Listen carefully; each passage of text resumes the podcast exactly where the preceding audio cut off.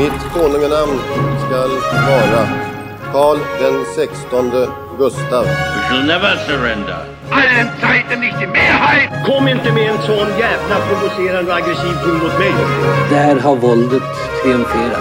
Ask not what your country can do for you. Ask what you can do for your country. Ska vi verkligen öppna en till flaska?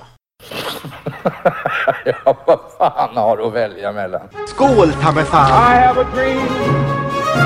Ah, I see you look at your leader. And I too look to you, Paul Bauma. It's one small step for man, one giant leap for mankind. hälsar vi er välkomna till Salongsberusad historia. Del 3 i vår triolo- trilogi, säger man inte trilogi, utan trilogi eh, utav historien om badkarsdödsfallen. Och vi har tidigare hört om Bessie och Alice, två stackars unga eh, flickor som eh, eh, olyckligtvis eh, dog eh, utav olycksfall i badkaret. Och eh, det, rör sig mellan 1910 till 1913. Och vi befinner oss fortfarande i 1913 eh, års eh, England, då, nådens år 1913. Och det är december, till, eh, ska vi säga också. Det är december 1913. Och eh, en William Gilbert träffar en fröken vid namn Margaret Loft på 37 år, det vill säga helt utdömd på äktenskapsmarknaden. Och hon dessutom enligt sin syster då, Eh, introvert eh, och hon delade aldrig några hemligheter för sin syster. Så att hon träffade den charmige William Gilbert var inget som systern då kunde, eller fick känna till, rättare sagt. Men Margaret var kär. Hon skickade 220 stycken brev till William under tiden. Och då kan man ställa sig frågan, vem var då denne William? Han jobbade åt ett järnvägsbolag och hade således en liten mindre summa pengar. Han var inte rik, men han var inte urfattig. Och hans nuvarande yrke var handelsresande. Vilket betyder att han var en hel del på resande fot. Vilket då kan förklara att hon skickade 220 stycken brev till honom under den perioden. Men hon var kär, jävligt kär och han var inte den som var där utan han friade med friskt mod till henne. Hon tackade gladeligen ja till honom. Eh, ett bröllop planerades men prästen berättade då att eh, Wobopopo, denna William, han är faktiskt gift sedan tidigare och hans fru har letat efter honom sedan eh, i oktober månad. Och då blev denna Margaret väldigt upprörd och arg och besviken. Tänkte, Vad fan William, varför, varför?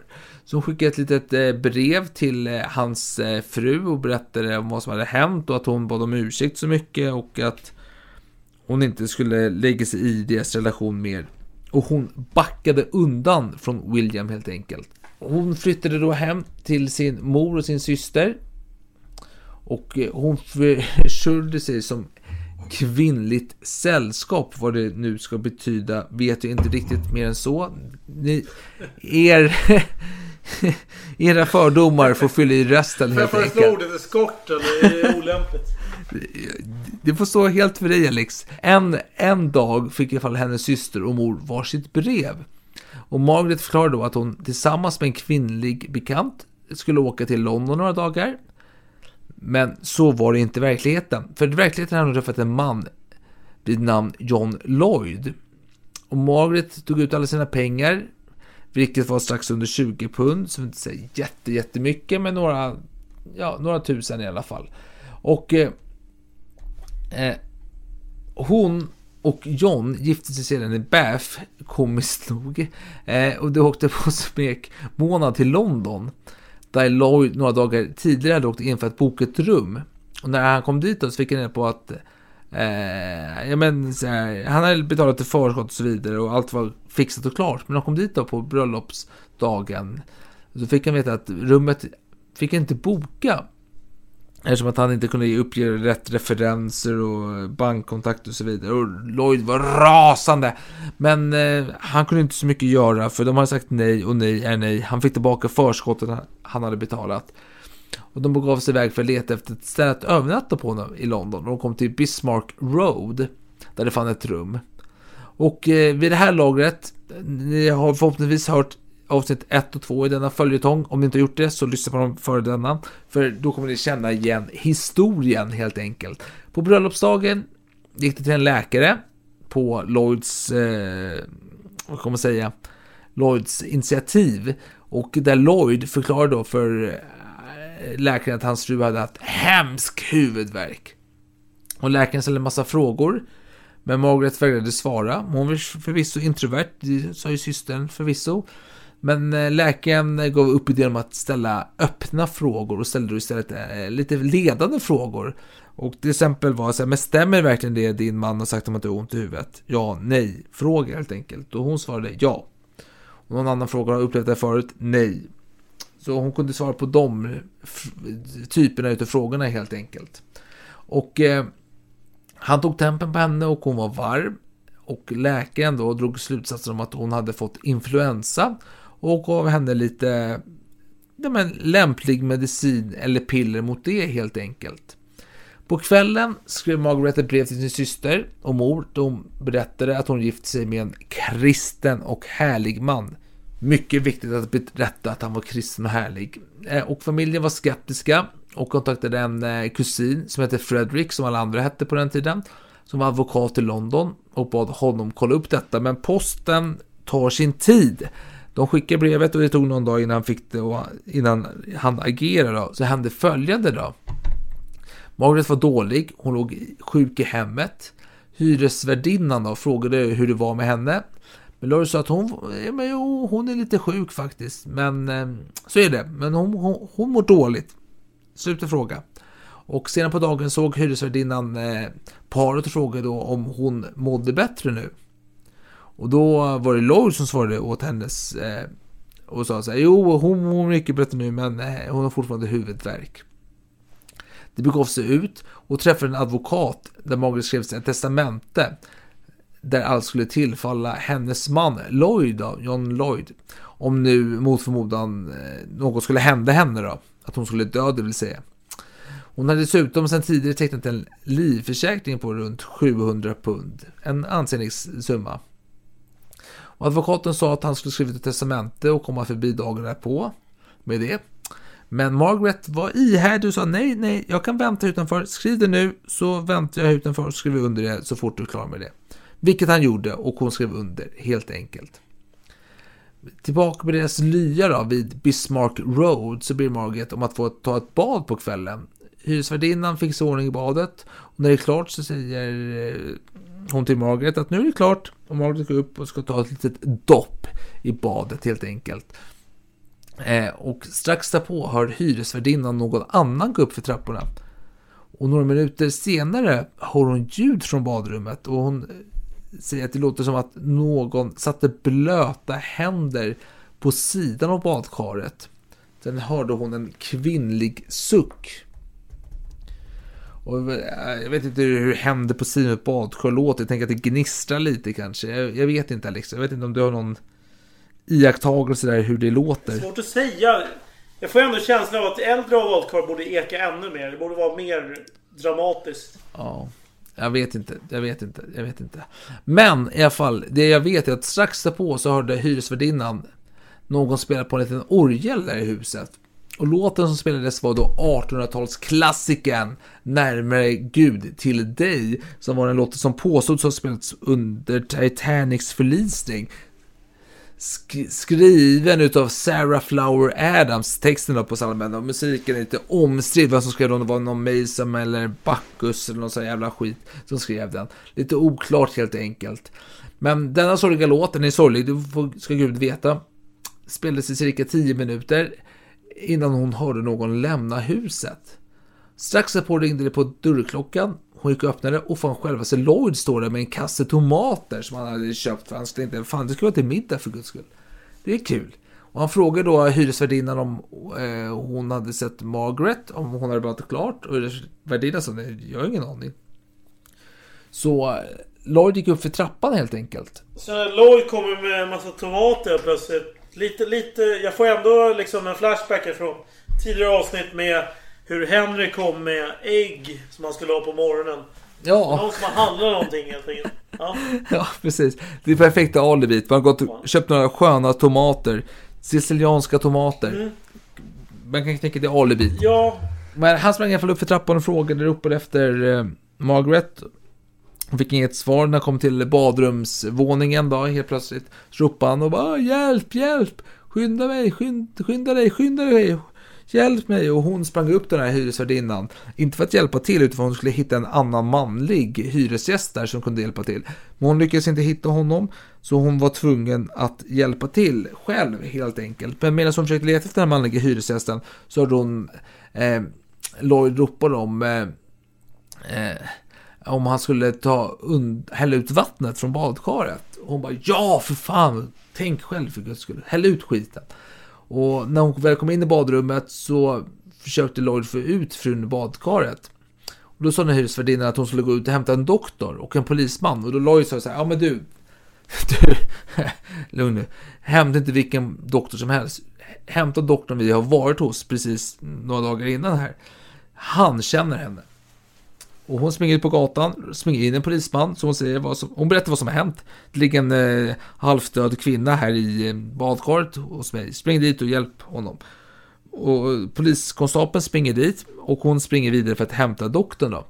Och medan hon springer och hämtar doktorn så kommer poliskonstapeln till huset. Han springer upp för någon trappa, kommer in i det här rummet då, badrummet där badkaret eh, finns. Där han ser en naken kvinna för guds skull, helt naken ligga på golvet. Hur kan det vara så? Och Lloyd, hör och häpna, han har inte täckt hennes kropp för guds jävla viktorianska skull. Här måste man eh, skyla kroppen så fort som fan. Så han, tar, han letar i full fart efter någon morgonrock någonting så han kan bara häva över kroppen. Här kan vi inte visa några bröst eller eh, organ på något sätt eller höfter. Här, här måste vi, vi, vi pryda här för guds skull, tänkte han. Så han, eh, han, han fixade det. Och så såg han att eh, Lois höll på att vifta med hennes armar fram och tillbaka. Han gjorde eh, schaffermetoden återupplivningsförsök som man skulle dra med armar. Armar fram och tillbaka och hålla på. För, förklara den här Schaffberg-metoden nu. Nej, jag vet att man håller på och rör armarna fram och tillbaka på olika sätt. Jag är väldigt oinsatt. Det är du som är, är läkare inom det militära. Du borde ha koll på alla de här olika återupplivningsförsöken. Schaffberg-metoden får du förklara.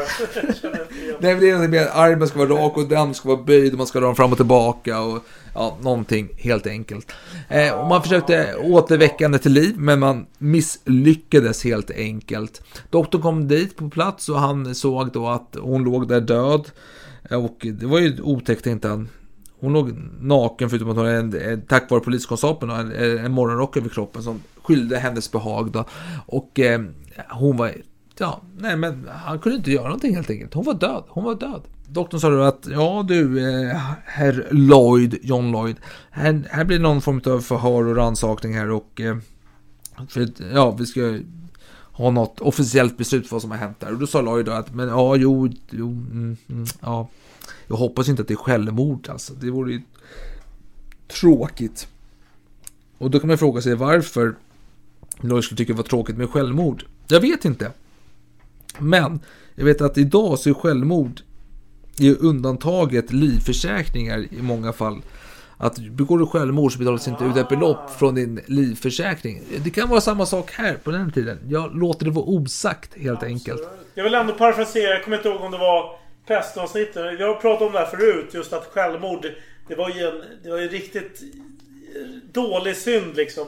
Man förtjänar inte att begrava sig vid vigd jord. Ja. Om man ägnar sig åt den typen av eh, saker. Nej, Nej men så är det. Så är det. Så att, det var ju hemskt. Så är det. Men eh, begravningsentreprenören Frederick, återigen denna ständiga Frederick, kom till platsen och frågade om Lloyd ville köpa en gravplats. Absolut inte, svarade Lloyd. Fredrik erbjöd då en eh, fin grav vid Islington Cemetery för enbart 4 pund. Vilket pris alltså. Men eh, tack med nej tack. Eh, eh, Lloyd frågade då vad en vanlig eh, gravplats skulle kosta, allmän grav då liksom. Och fick, tvar, fick till svar att det skulle kosta 10 shilling och att för en begravning inklusive denna gravplats skulle det kosta 7 pund och 10 shilling. På tok, på tok för dyrt, tyckte Lloyd. Ja, Fredrik var inte den som var den. Han sänkte priset lite, men lite billigare arrangemang då. Lite. Någon sån här glas eh, för. Lite, lite sunkigare helt enkelt. Du skulle kunna få det för 6 skilling, eller 6 pund och 10 skilling och sådär. Ja, men det gick Lloyd med på. Och eh, dagen på kom kusinen till Margaret, för Margarets eh, mamma och eh, syster hade skickat deras kusin då för att komma till fallet. Men han hade fått brevet så pass sent, för det var ju postleverans, fick det på lördagen tror jag. Så skulle han göra sig i ordning och resa dit. Och under tiden så hade ju Margaret hunnit dö då, så han kom till platsen och fick höra att hon hade dött och fick då åka till bårhuset och se kroppen. Man hade utfrågning och orsaken fastställdes till vad då Lix? Dödsorsaken? Ja, drunkning. Olycka helt enkelt. Drunkning till fallet av olycka. Och då är frågan så här. Jo, jo. Är det tre olika män som gift sig och haft oturen att deras makor har dött på bröllopsnatten eller tätt intill då? Eller är det en och samma man som utser för att vara en annan? Det är den stora, ständiga, eviga frågan i detta fall.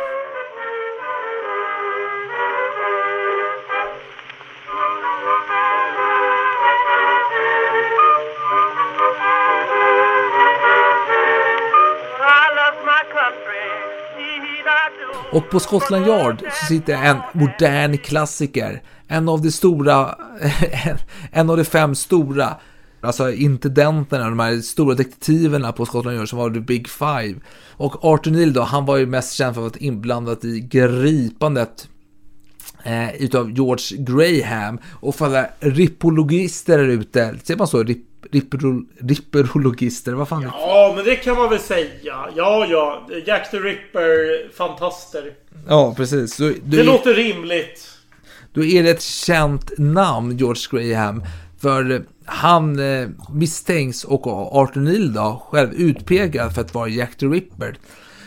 Eh, och han var ju en, eh, han dödade väl några kvinnor där på sin salong, eh, förgiftade dem så att säga. Men han är väl kanske ett känt namn, bara sidonotering här, vi tycker det är roligt, för alla Chaplinologister. Alltså Charlie Chaplin beundrar det här ute i världen. För jag har för mig att Charlie Chaplin skriver i någon utav, eller någon, i någon biografi i alla fall om Chaplin så står det om att han berättade om när han var ung, jag tror att han var runt säg 13-15, jag är lite osäker på ålder. Och han gick, eh, var på väg hem en dag, han var törstig in på en eh, salong. Då mötte en eh, man med en stor mustasch honom i dörren och sa så här, vad vill, vad vill du?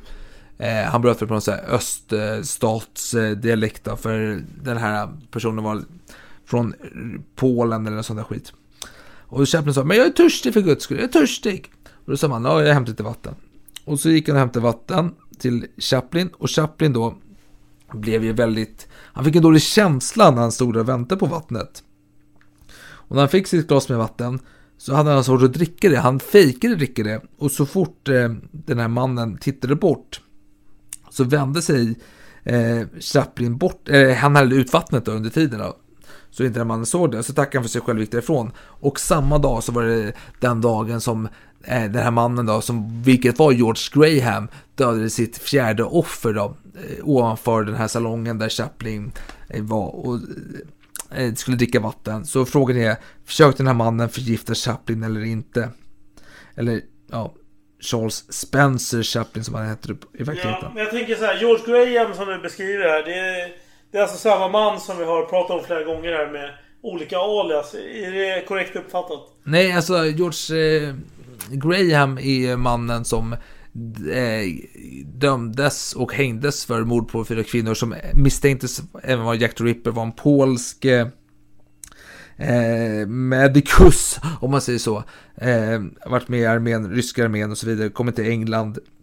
Han hade inte hade ett polskt namn. Var inte såhär eller något sånt? Ja, eh, Klosowski hette han i verkligheten då.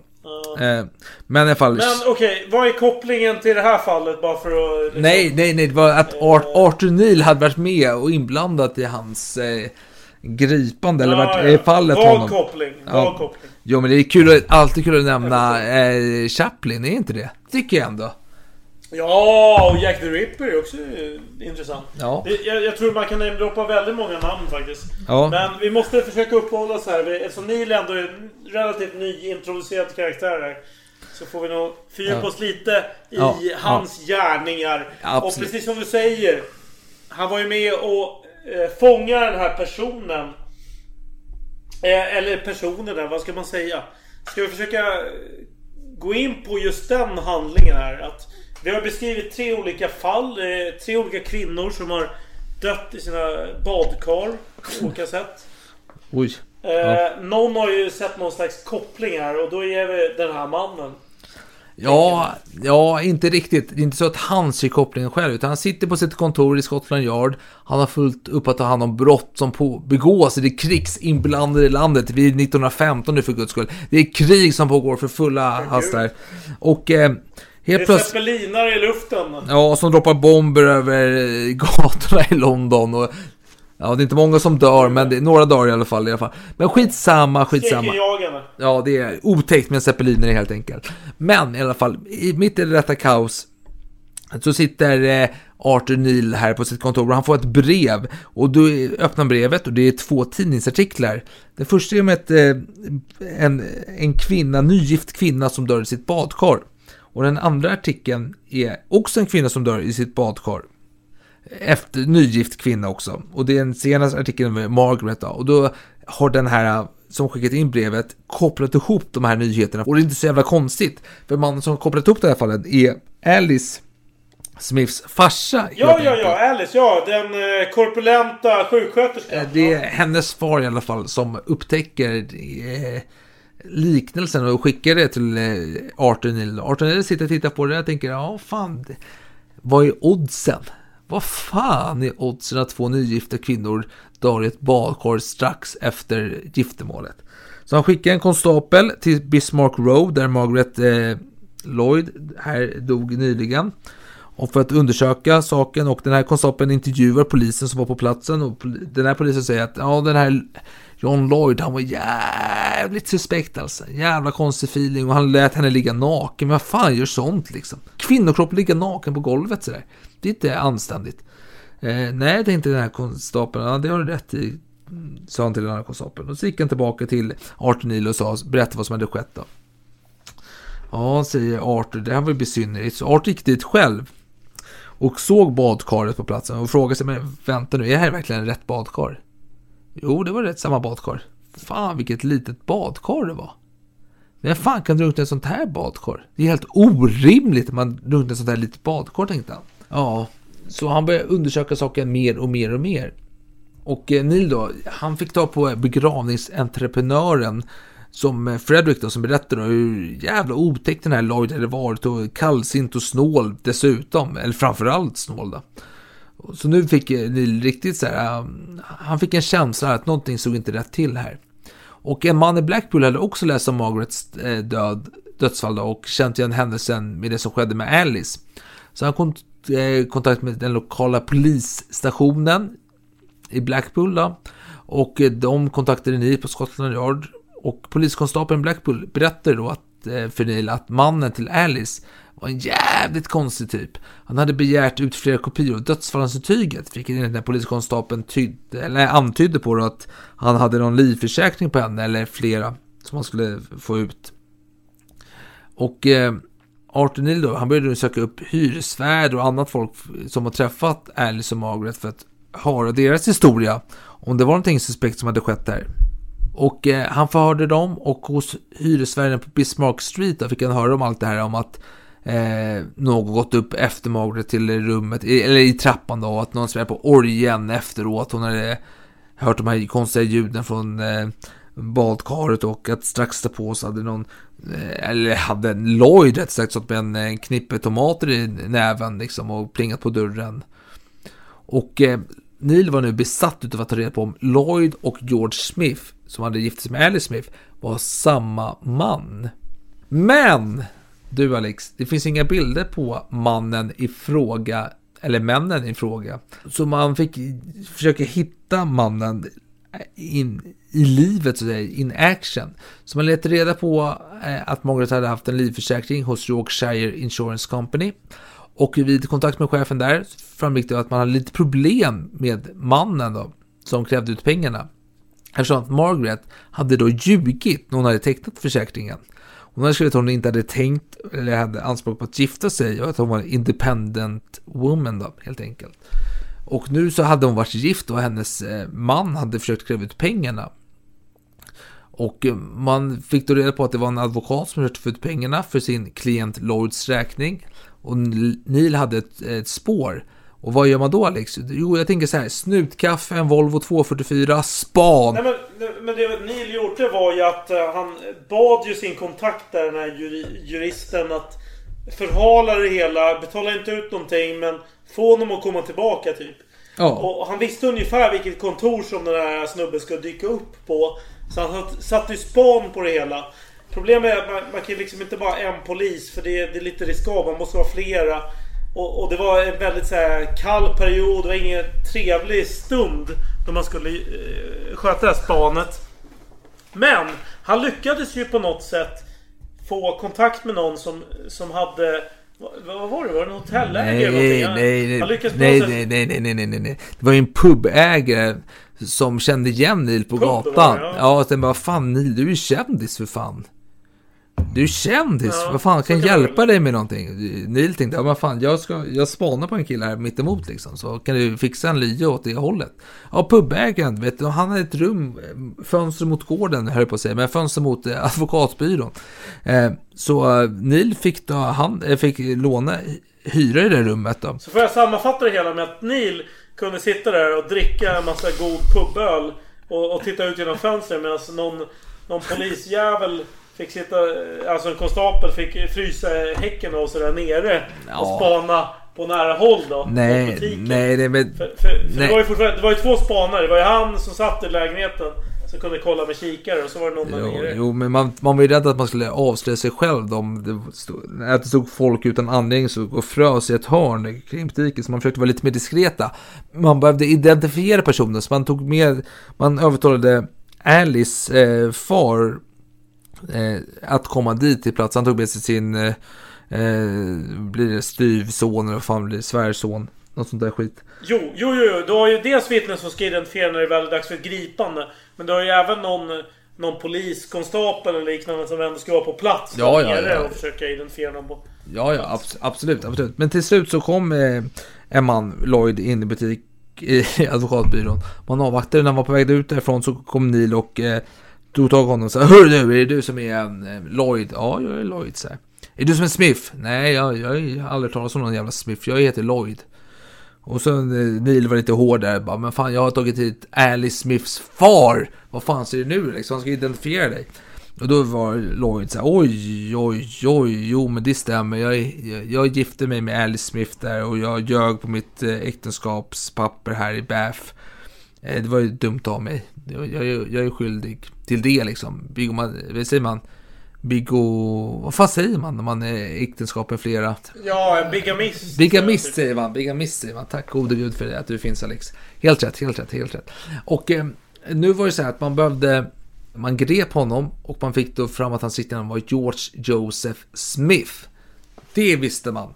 Men nu behöver man obducera kropparna och eh, på Margaret och Alice Ja, och a- anledningen till att man gjorde det var ju att man, man såg en koppling här. Att han, den här personen som man precis hade gripit, han var inblandad i ett misstänkt brott.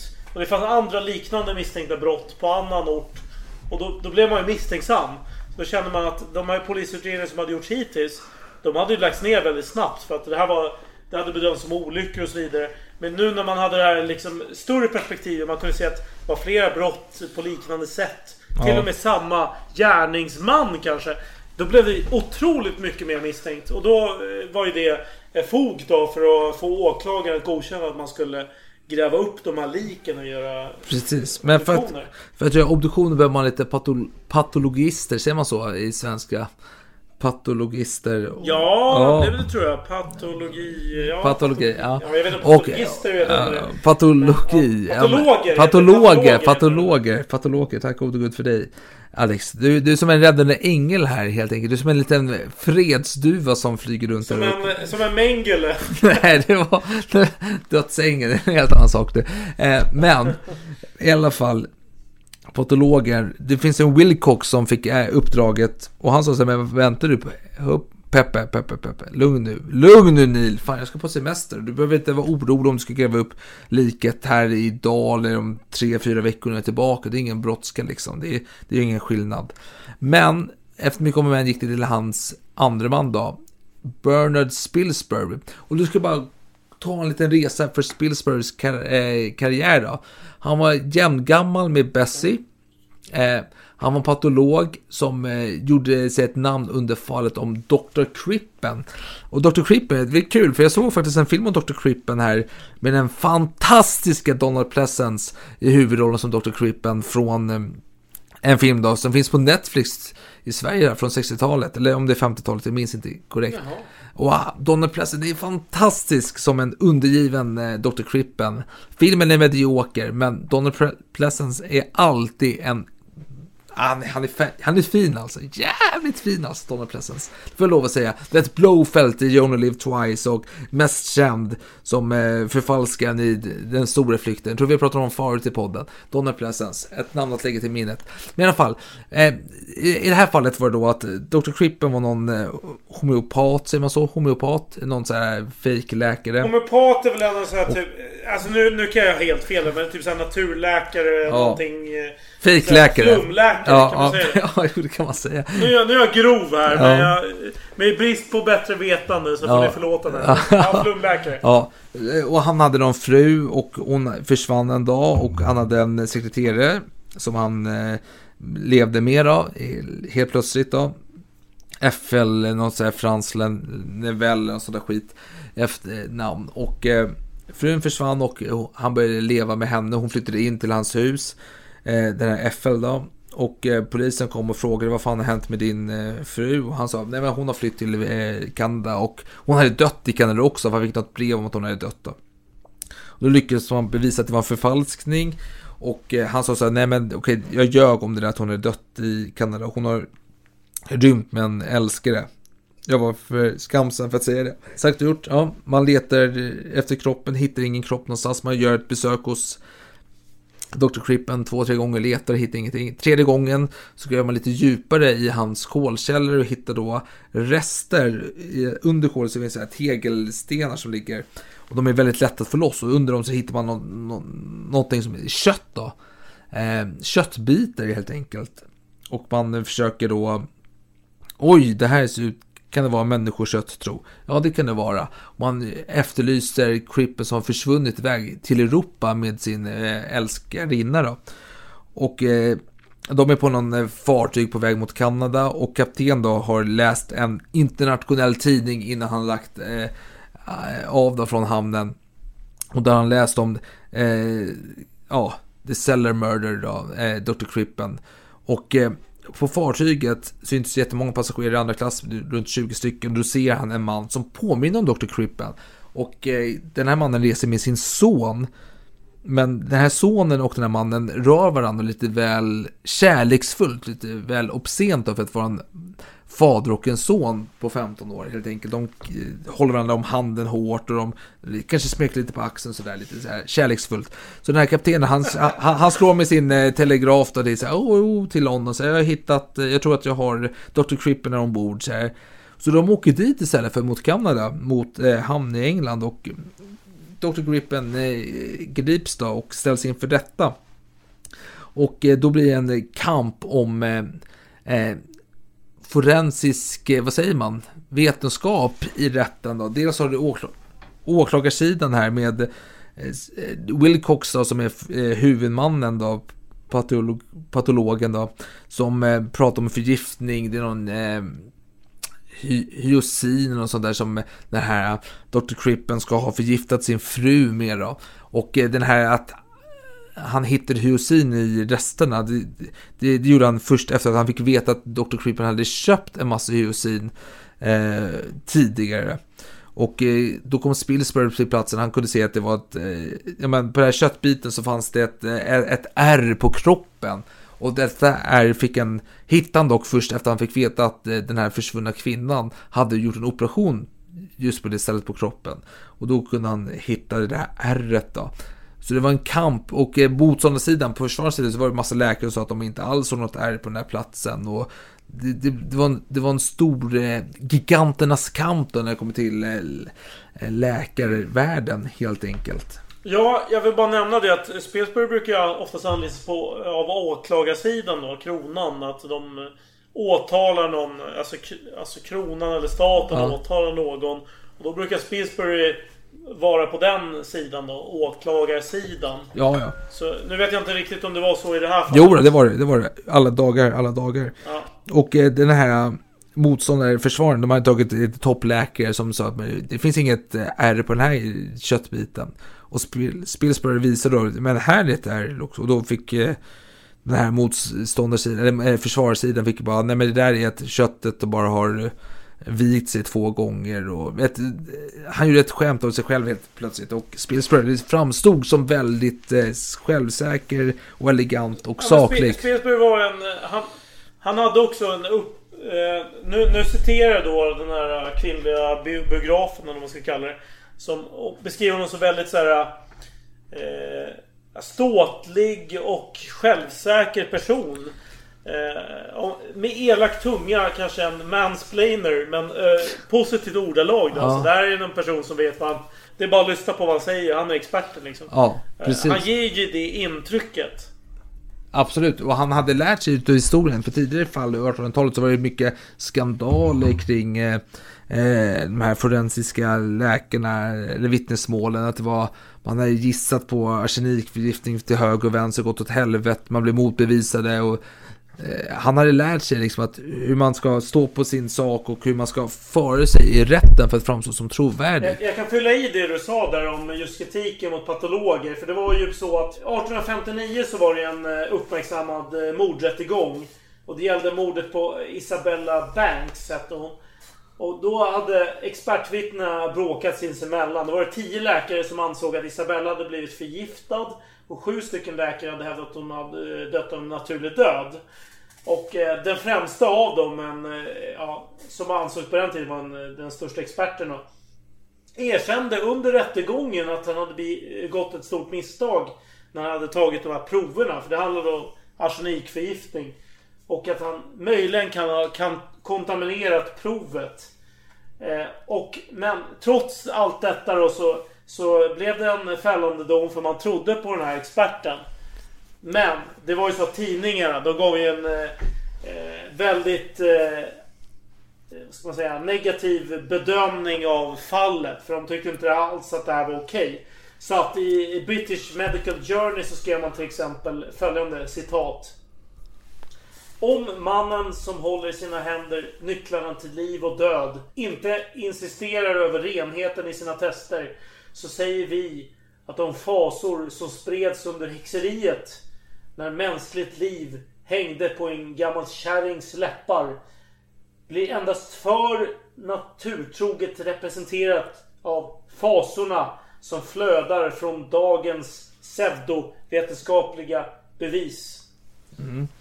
Precis. Jag vill bara konstatera att det här är ganska svårtolkat citat. Men eh, mer eller mindre en sågning av att... Eh, ja, Det var- nej, ja, slarvar man med, med bevisen så då, då, då är det inte okej. Nej, Ja, fortsätt. precis, precis. Men eh, Spilsbury gjorde succé i fallet med Crippen. Crippen hängdes och dog. Han eh, hävdade att han var oskyldig in till döden. Men hans eh, älskarinna blev frigiven och flyttade till Kanada. Men skit samma i dem, det är inte relevant i det här fallet. Mer än att eh, Spilsbury eh, upp, genomförde en massa obduktioner på de här två döda kvinnorna. Han började mäta deras kroppar. Eh, hur stora de var, hur stora rumpor de hade, hur höfterna var och så Du, vidare. du, du. Förlåt, förlåt Adam. Jag vill inte avbryta egentligen här. Men jag vill ändå flika in med en helt eh, halvt relevant eh, liknelse här. Och det var nämligen att eh, man får tänka att det här är en period då eh, sånt som vi betraktar som vetenskap idag inte nödvändigtvis var vetenskapligt då. Men tvärtom också. Att det fanns ovetenskapliga saker då. Eh, eller ja, det som de betraktar som vetenskap är absolut inte vetenskap idag. Och jag har ett exempel på det. Och det var att eh, ungefär vid tiden för ah, de här eh, fasorna, de här döda kvinnorna. Eh, januari 1908 så skrev en läkare följande i Strand Magazine. Nu citerar jag här. Gällande anatomiska kännetecken hos den typiske kriminelle så kan man säga så en gång att det inte finns en knöl för tjuveri eller mord. Men det finns en generell form på huvudet som karaktäriserar den som är född till att bli kriminell. Kriminalantropologer har funnit att hans skalle är som bredast mellan öronen. Det vill säga som störst längs dess bitemporala diameter och komprimerad från front till baksida. Över till dig. Ja, jättebra Alex att du fick in den här lite smått eh, huvudmätarmetoden på den tiden som fanns. Ja, Eh, lite lång eh, skalle. ja.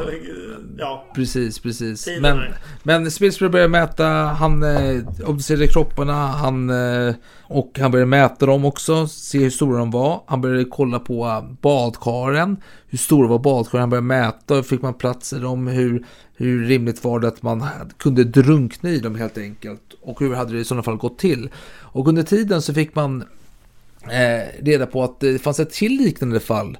Som de, eh, Margaret och eh, Alice. Fallet med Bessie.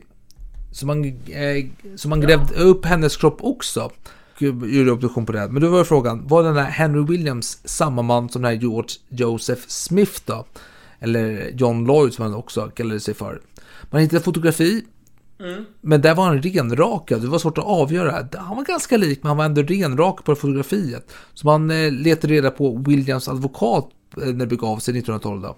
Som kunde bekräfta, men vänta du, Williams är exakt samma man som George Joseph Smith eller John Lloyd. Och nu, Alex, nu Alex, kom det flera andra fall upp. Kvinnor som gifte sig med Smith och blivit lurade. De, många berättade samma stuk i historia. De hade gift sig. De hade stått på stan och helt plötsligt kom en man upp och sa att jag vill gifta mig med dig. Och de sa okej, varför inte? Och de eh, hade gått till någon eh, advokat och tagit ut massa pengar som de hade haft.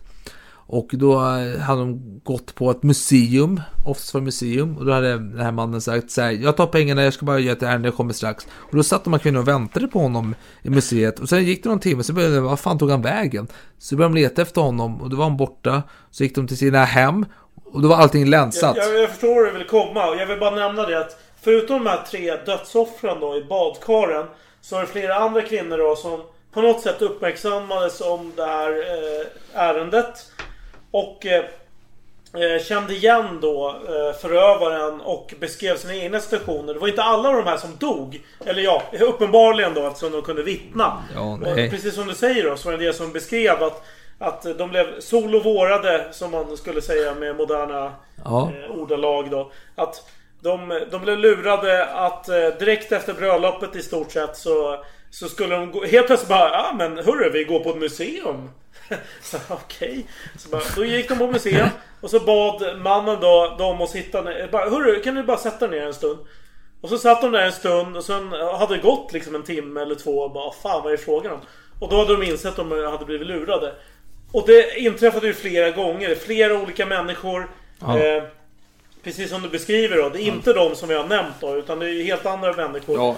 Men, men det fanns ju flera olika vittnen. Från Ja. ja. Ja, olika delar av landet. Ja, man hittar att han även var gift och fortfarande gift med en kvinna sedan 1898. Men den här kvinnan bodde nu i Kanada, så man försökte få tag på henne och te- skicka ett telegram till den kanadensiska polisen. Och eh, där de bad henne leta upp henne.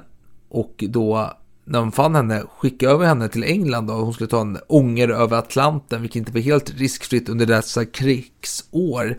Och, eh, men hon gick med på det i alla fall, mot betalning såklart. Då. Men samtidigt dök en annan kvinna upp på kontoret och sa sig, men vänta, den här mannen, jag känner honom, jag har varit gift med honom i sju år. Och hon var fortfarande vid liv, hon hette Edith Pegler. Och eh, hon berättade då en historia om sin man som hon varit gift med. De hade träffats och han hade sagt jag vill gifta mig med dig och hon sa ja absolut. De hade flyttat. Och hennes historia var mycket att de hade flyttat och flyttat och flyttat och flyttat. Och han var antikhandlare, varit mycket tjänsteresor. Och nästan alla tjänsteresor föll samman med när han hade eh, gift sig med eh, Bessie, Alice och eh, Margaret då. Nu fick Arthur Neal eh, fler pusselbitar på plats. Ja, han, han hade ju en teori här att det var samma man. Det handlade om flera olika kvinnor. Han försökte förbereda sig för en rättegång helt enkelt. Pussla ihop det här Vad var den här mannen? Var det samma man? Kunde vi bevisa det? Och vad var hans motiv? Vad var anledningen till att han betedde sig på det här sättet? Och då behövde han ju kartlägga den här mannens liv. Det var det han försökte göra då genom att pussla ihop allt det här från alla olika vittnesmål. Och då är det jätteviktigt då att få reda på mer då. Framförallt från den här kanadensiska kvinnan. För det var någonting som han återkom väldigt ofta till. Eh, när han solovårade kvinnor i eh, Storbritannien. Det var just det där med att jo, men han lovade ett liv i, i Kanada. Det var en återkommande grej Ja. som han hade. Och Kanada lockade också förvisso för att man eh, hade gjorde lite satsningar på Kanada, eller Kanada gjorde satsningar på Kanada, att man eh, var lite underbefolkat där, man tänkte att man behövde lite mer män och kvinnor dit. Så man gick, åkte över till England och lockade med eh, bra förmåner om man gifte sig och flyttade till Kanada. Men Ja. Sp- Spilsbury och Neil satt där med ett badkar och tänkte hur fan kan man drunkna de här badkaren som finns? Ja, jag vill bara, jag vill bara tillägga en sak. Spilsburys perspektiv, det är ju från en, det är ju en forensisk... eh, Alltså, det, han, är ju, han har ju ingen yrke som polis på något sätt. Han är ju en läkare, det är ju hans uppgift. Ja. Han ska ju ta reda på eh, dödsorsak och så vidare. Sen kanske han får storhetsvansinne senare. eh, Det, det säger ingenting om just nu. Men han kanske går utanför lite sin, sin egen eh, kunskap här och eh, försöker verkligen bilda sig en uppfattning om vad, vad fan var det som hände. Precis, så han, han och Neil sitter på kontoret och har alla badkar framför sig och tänker hur fan kan man drunkna i de här små skitsakerna? Man tar dit en simmerska som jag tror jobbar inom polisen och liknande. Och hon får klä sig i en simdräkt såklart, man är anständig även under denna tid.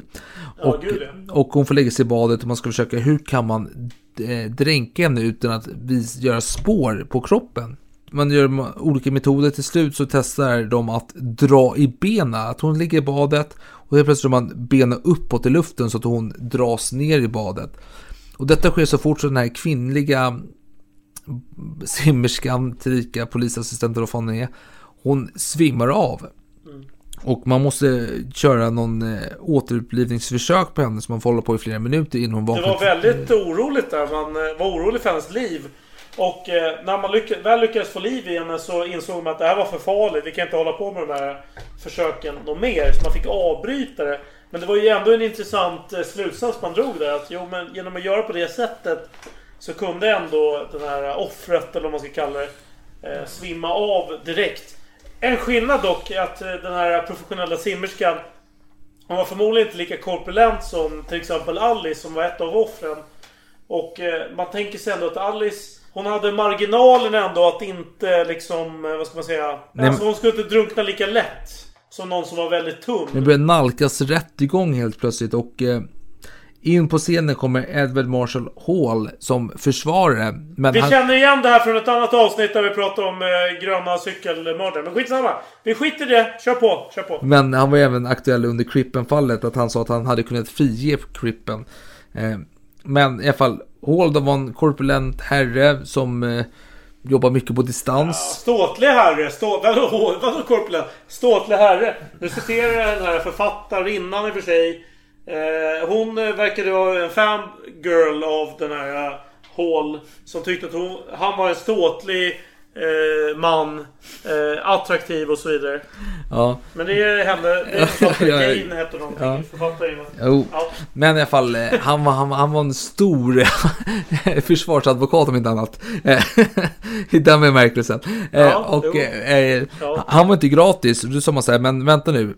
Eh, den här George Smith då, han har inga pengar, men han kan ju sälja sin historia till pressen. Då kan pressen betala Hall för besväret. Och det tyckte Hall var en bra idé, men, du- men då sa det, eh, rätten att ja, det är inte acceptabelt, det, det går vi inte med på. Och då eh, börjar Hall argumentera, så, men fan du kan sälja ditt hus för att ha råd med en försvarsadvokat, du kan väl sälja din livshistoria också. Men de bråkade om detta när rättegången började och det var inte klarlagt ännu. Men vi kan säga så att Hall kom att förlora detta då. Att eh, Smith kunde inte sälja sin historia och betala för besväret till honom. Och man börjar då eh, rättegången. Man förhör det. Neil gjort ett gediget arbete. Det är väl 120 vittnen och sådant liknande som kommer och ska vittna om sakens skull. Ja, och 250 plus eh, bevismaterial. Han, han eh, kallade ju bland annat upp alla badkaren då, som vi har nämnt tidigare. Ja. De skulle in i rättegången.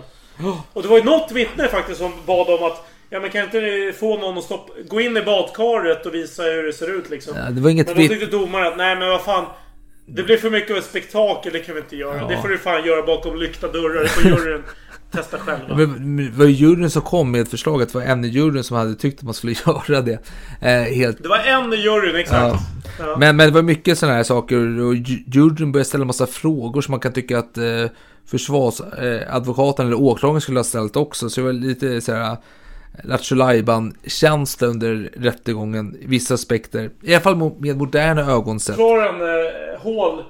ha- En av hans viktigaste punkter var att eh, enligt brittisk lag så skulle man bara åtala en, ett mordfall i taget.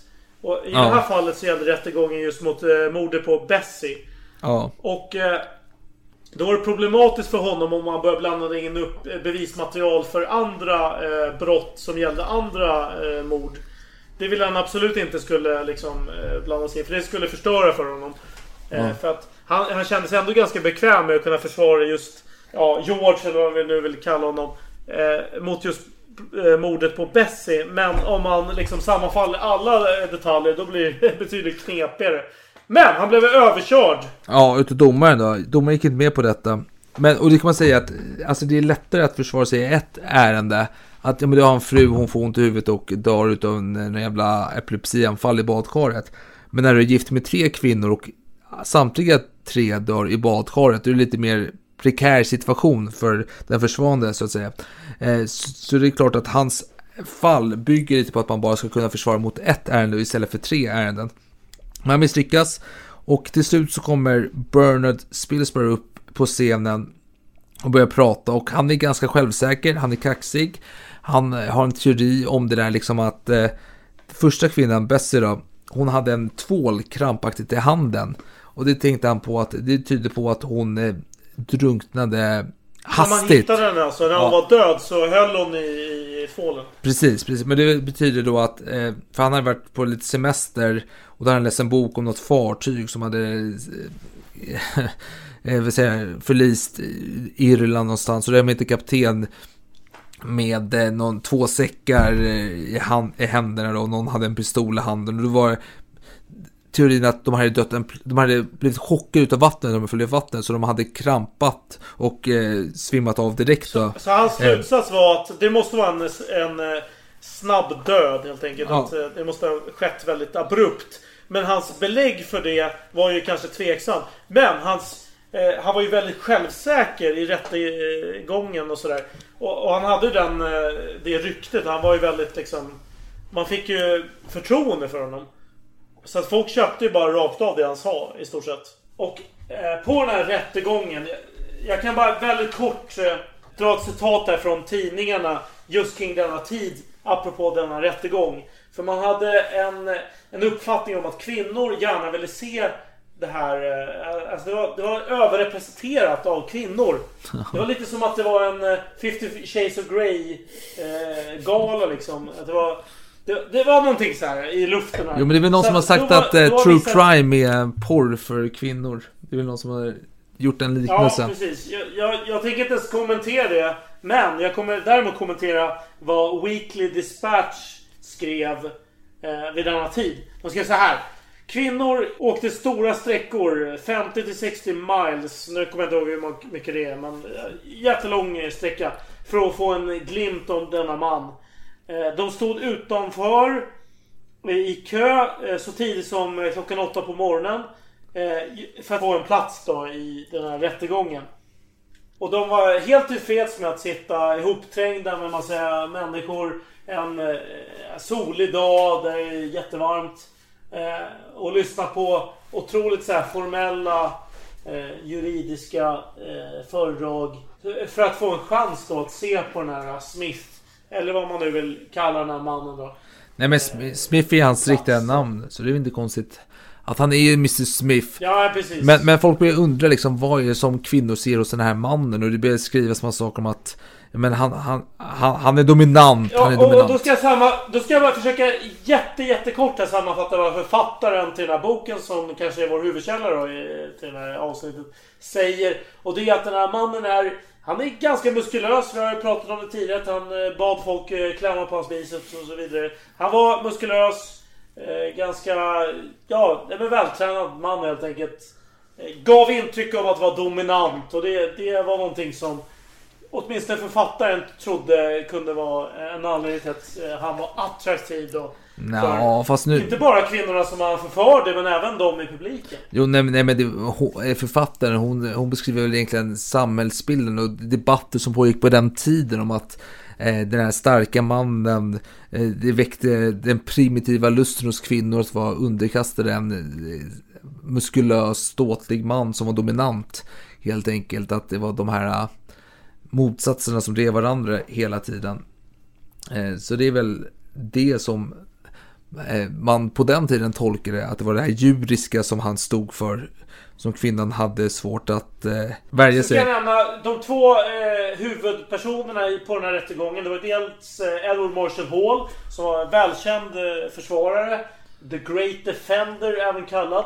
Eh, sen hade du åklagaren som hette Archibald Bodkin, som också var ja, likaledes då eh, ståtlig och bla bla bla.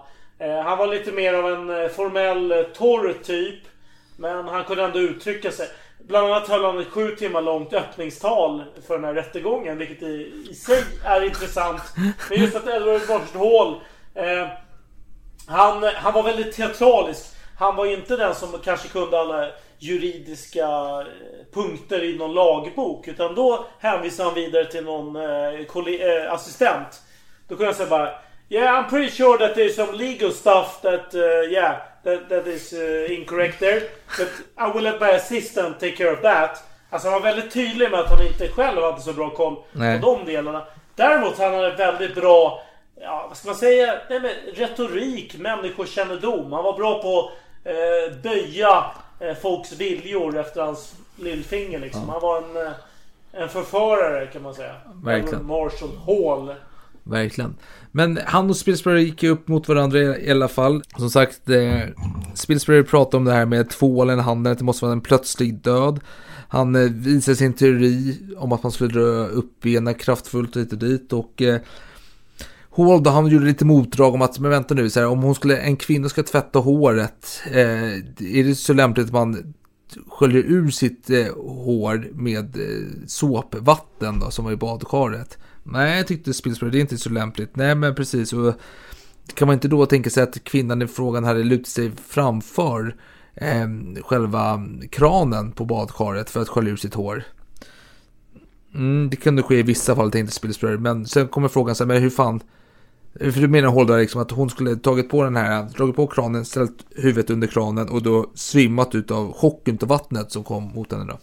Det är inte Spil- Spilsbury, men vänta nu, hade hon då stängt av kranen när hon hade svimmat eller hur menar du då?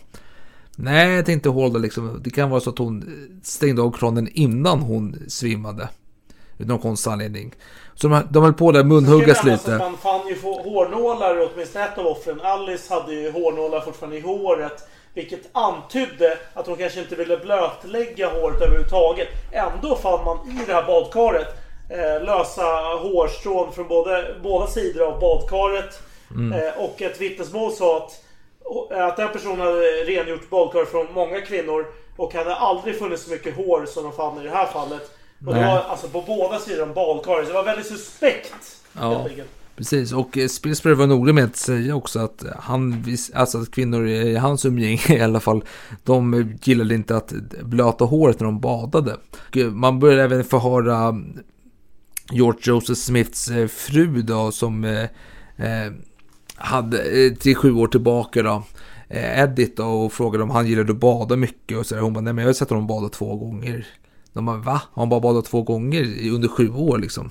Är du säker på det? Är inte det ganska smutsigt? Så jag bara, nej men det, det är det jag kan redogöra för, att han har badat två gånger.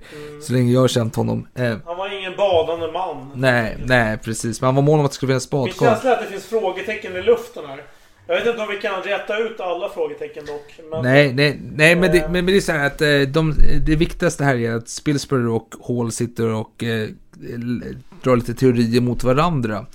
Och Spilsberg är väldigt korrekt, han är väldigt eh, högljudd på ett bra sätt. Han, han framstår som eh, pålitlig, fader Abraham själv.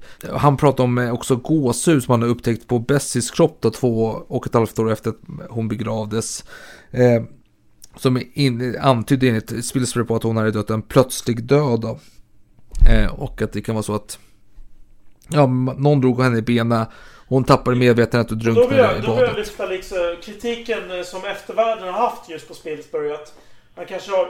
Han är ju uppenbarligen en eh, framstående person. Han har ju eh, under hans eh, praktik som läkare så har han varit väldigt eh, eh, arbetsam. Han har ju efter arbetstid tagit med sig prover från bårhuset och liksom analyserat hemma. Så han, det är utan tvekan att han är väldigt framstående inom det område som han var verksam inom.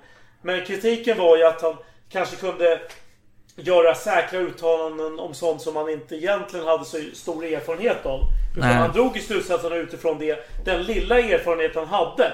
Ja. Men det var ju högst tveksamt i vissa fall. Det var ju liksom kanske väldigt lite erfarenhet. Och ändå drog han tvärsäkra analyser. Jo. Och eh, rätt, alltså juryn drog de köpte det fullt ut. Ja. Just för att han var så betrodd då i andra fall. Ja, precis, och det ska tilläggas att eh, han, han, han var ingen eh, expert i hur kvinnor brukar bada om man säger så. Men han drog ändå väldigt många slutsatser kring hur gemene kvinna brukar bada och hur de sitter i badkaret och hur de för sig och så vidare.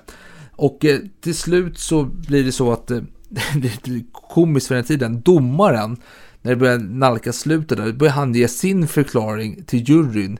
Det säga, men tänk så här att en man som är man till en kvinna eh, häller upp ett bad åt sin fru och eh, hon kommer in där och hon klär av sig framför sin man. Mannen leker lite med hennes ben och sen drar han, drar han hennes ben. Så här, tänk att det kunde ske så helt plötsligt och eh, Smith sitter där på åtalade bänk och bara ropar också ut sig. "Men fan häng mig direkt liksom, vad är, vad är det för fel på dig? Alltså uppenbarligen var ju domaren partisk i målet tyckte Smith då och det får man väl ge honom hälften rätt för, om inte hela rätt då, att eh, han la egen värdering i vad som hade skett. Han la en alternativ förklaring helt enkelt till fallet.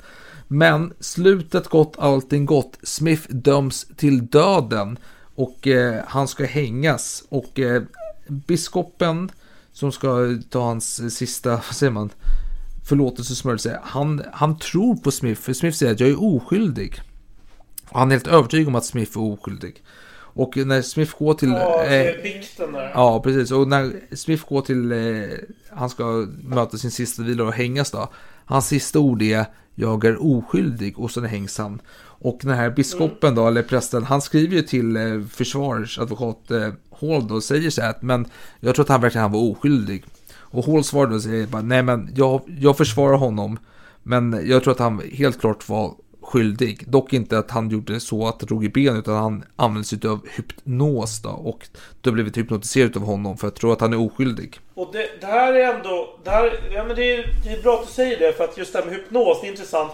För man har ju beskrivit att han har en hypnotisk blick på något sätt. Det här är ju högst spekulativt såklart.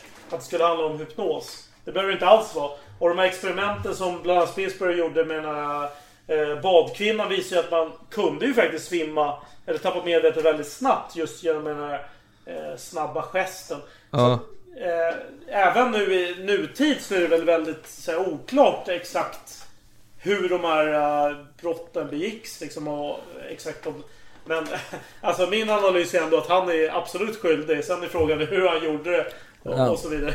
Jo, nej men sen är frågan så här, var, varför sitta och hävda att man är oskyldig i sista sekunden? Alltså, jag, jag förstår om det skulle varit en, en amerikansk film när någon är dödsdömd och man ska vänta på ett eh, samtal från borgmästaren som ska frikänna henne i sist, eller personen i sista sekunden. Ja, det, det, kanske- men i det här fallet, uppenbarligen, han kommer avrättas.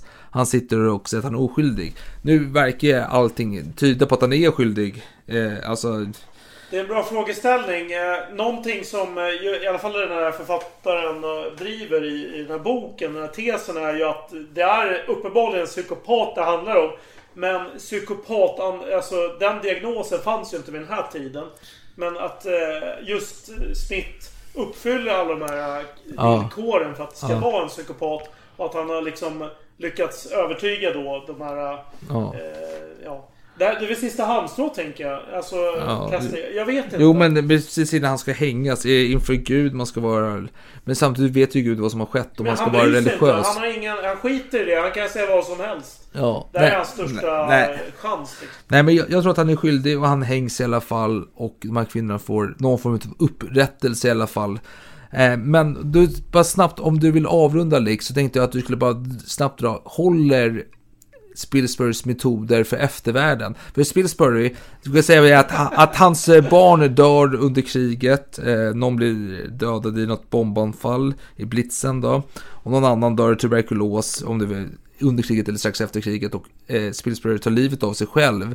Diskret självmord, gas ihjäl sig själv på Precis. arbetsrummet. Men eh, berätta nu, håller hans metoder, om du får säga det på tre minuter. Han var metodisk, han var envis. Han fortsatte jobbet även efter arbetstid. Han tog ju med sig prover från bårhuset hem. Han satte ju upp ett eget laboratorium i sitt eget hem med, med alltså i källaren har jag för mig.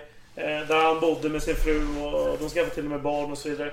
Eh, sen var ju väldigt hängiven sitt yrke. Sen var väl problemet lite att han fick lite storhetsvansinne. Han fick för mycket positiv eh, återkoppling. Alltså när han var i rättegångar så hyllade alla honom som hjälte. Och då blev han ju mer och mer självsäker även på den eh, information som han kanske inte egentligen hade belägg för. För han var ju väldigt kunnig inom just patologi. Och det var ju till och med någon kollega som sa det att när det gäller frågor kring patologi då skulle jag eh, säga att han... Eh, jag håller... Jag, jag stödjer honom fullt ut. Men när det gäller frågor om det här andra då eh, ifrågasätter jag honom starkt. Mm. Så jag tycker att det är bra sammanfattande kommentar ändå om Spilsbury. Att han, han fick storhetsvansinne helt enkelt. Ja. Vilket är fullt förståeligt med tanke på att ingen ifrågasatte honom just för att han hade den här framtoningen. Han var, han var väldigt lugn. Han framstod som otroligt kunnig. Så inte ens motståndaren började ifrågasätta honom på riktigt. Det han eh, påstod. Vilket de kanske borde ha gjort. Då. Nej men, det, men det, han drog väl något skämt också om att eh, han är inte Gud men han eh, hjälper Gud när Gud har semester eller något liknande. Att han är någon så här ställföreträdande Gud när Gud har helgerna. Det säger, no- det säger någonting. Jo. Och jag vet att många har ju sagt så här att eh, men, eh, Spilsbury var en ensam varg liksom som hade mediokra betyg i skolan. Liksom helt plötsligt skulle han vara någon höjdare. Att han, han blev färgad utav det då helt enkelt. Att han egentligen var medioker men eh, tog chansen och blev något Ja, större än så. Eh, Alltså nu när, nu när vi ändå avrundar avsnitt kan vi bara liksom snabbt, sammanfatta. Han var ju liksom en assistents, assistent eh, på något sätt till en början.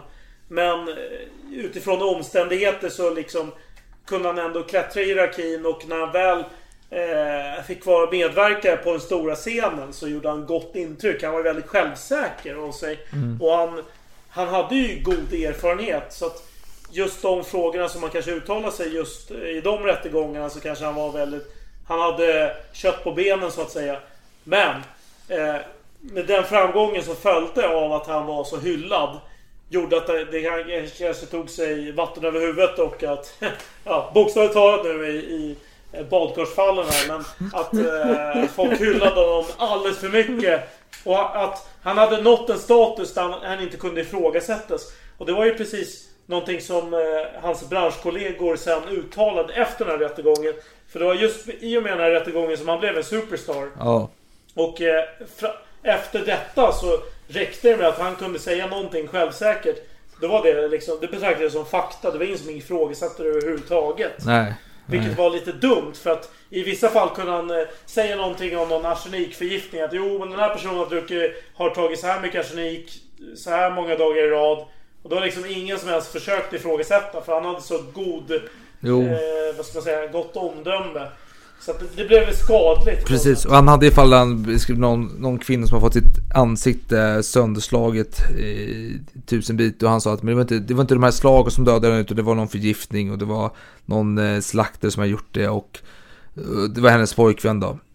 Men sen var det någon annan kvinna som har slagit sönder ansiktet. Utan den här slaktaren har bara dödat henne och gjort, ja, skurit i kroppen. Men en kvinna hade slagit sönder ansiktet kunde han då fastställa den gode Spilsbury. Och då var det den här äh, pojkvännens älskarinna då som han antog var skyldig till detta och båda blev väl hängda för det. Och angående Dr. Crippen som är liksom, ska tilläggas att man genomsökte Dr. Crippens hus tre gånger innan man hittade de här äh, resterna utav kroppen.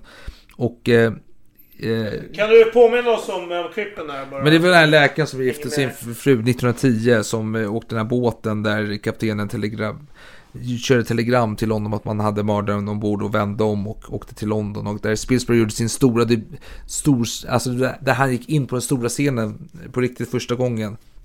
Eh, men den kroppen, man har gjort DNA-test på den och den tillhörde inte ens en kvinna, den försvunna fröken Cripp, utan det var en, en manskropp tydligen. Som man har hittat, även om de här DNA-forskningsrönen är lite ifrågasatt utav vissa så är det att man kan inte fastställa att det ens är en kvinnokropp man har hittat där. Eh, så det finns mycket frågetecken kring det här och eh, Dr. Crippen sa att den här kroppen hade legat innan han flyttade in i huset fem år tidigare. Men man hade hittat kroppen inlindad i någon sån här pyjamasdräkt som hans fru hade köpt några år senare. Så det var, det var lite så här omständigheter som talade emot Crippen. Men samtidigt så nu efter, eftervärldens forskning har visat att det troligtvis inte var en kvinnlig kropp utan det var en manskropp helt enkelt. Som man hade hittat där. Nej, och jag vill återkoppla till en sak som du nämnde tidigare i avsnittet. Det var just det här med eh, gåshud på någon av de här kropparna. Ja, att det skulle vara, eh, tyda på någonting. Men nu med, med nutida syn på det hela så, så fa- fanns det en fullt rimlig förklaring som inte alls stämde överens med, med eh, eh, Spilsburys eh, slutsatser. Så det finns ju anledning att ifrågasätta det här. Så att kritiken är väl att han, han, han hade så bra framtoning att ingen, inte ens hans huvudmotståndare i det här fallet av försvarsadvokaten började ifrågasatte det han påstod. Utan liksom hittade andra vägar runt. Vilket eh, kan, man kan ifrågasätta i, i dagsläget i alla fall. Ja. Nej men nej, precis, att man har gåshud, alltså två och ett halvt år efter man har begravts i starkt ifrågasatt idag. Det är något annat än eh, förmultning av kroppen som gör ett liknande, eh, vad säger man, eh, åkomma, säger man så? Symptom, Symptom, eller- ja precis. Nej men jag tror att vi har kommit i hamn här Alex och jag, jag har sett klockan rinner iväg, klockan är mitt i natten här och vi skulle göra oss i ordning för att fira nyår alldeles strax. Eh, Ja, eller jobba. jobba för vissa. Jag ska återhämta mig innan jag firar nyår en dag. Men tusen tack, Ja, lycka till på dina resor framöver, i början av 2023. Ja, ja. Det blev Tack tre saftiga avsnitt får jag lov att säga och eh, tusen tack. Nu har vi gjort eh, George Joseph Smith då, och Bernard Spilsbury. Vi får se om vi återkommer till Spilsbury och går lite mer genomgående i hans liv. Men eh, jag är skeptisk, vi får se. Vi får Jag tror se. att vi har väckt, eh, vi har väckt väldigt många frågor här och jag är inte alls säker på att vi har besvarat tillräckligt många av dem. Men Nej, tiden får utvisa detta. man kan inte få, få allt i livet. Skål som jag fan. Ja men skål för fan.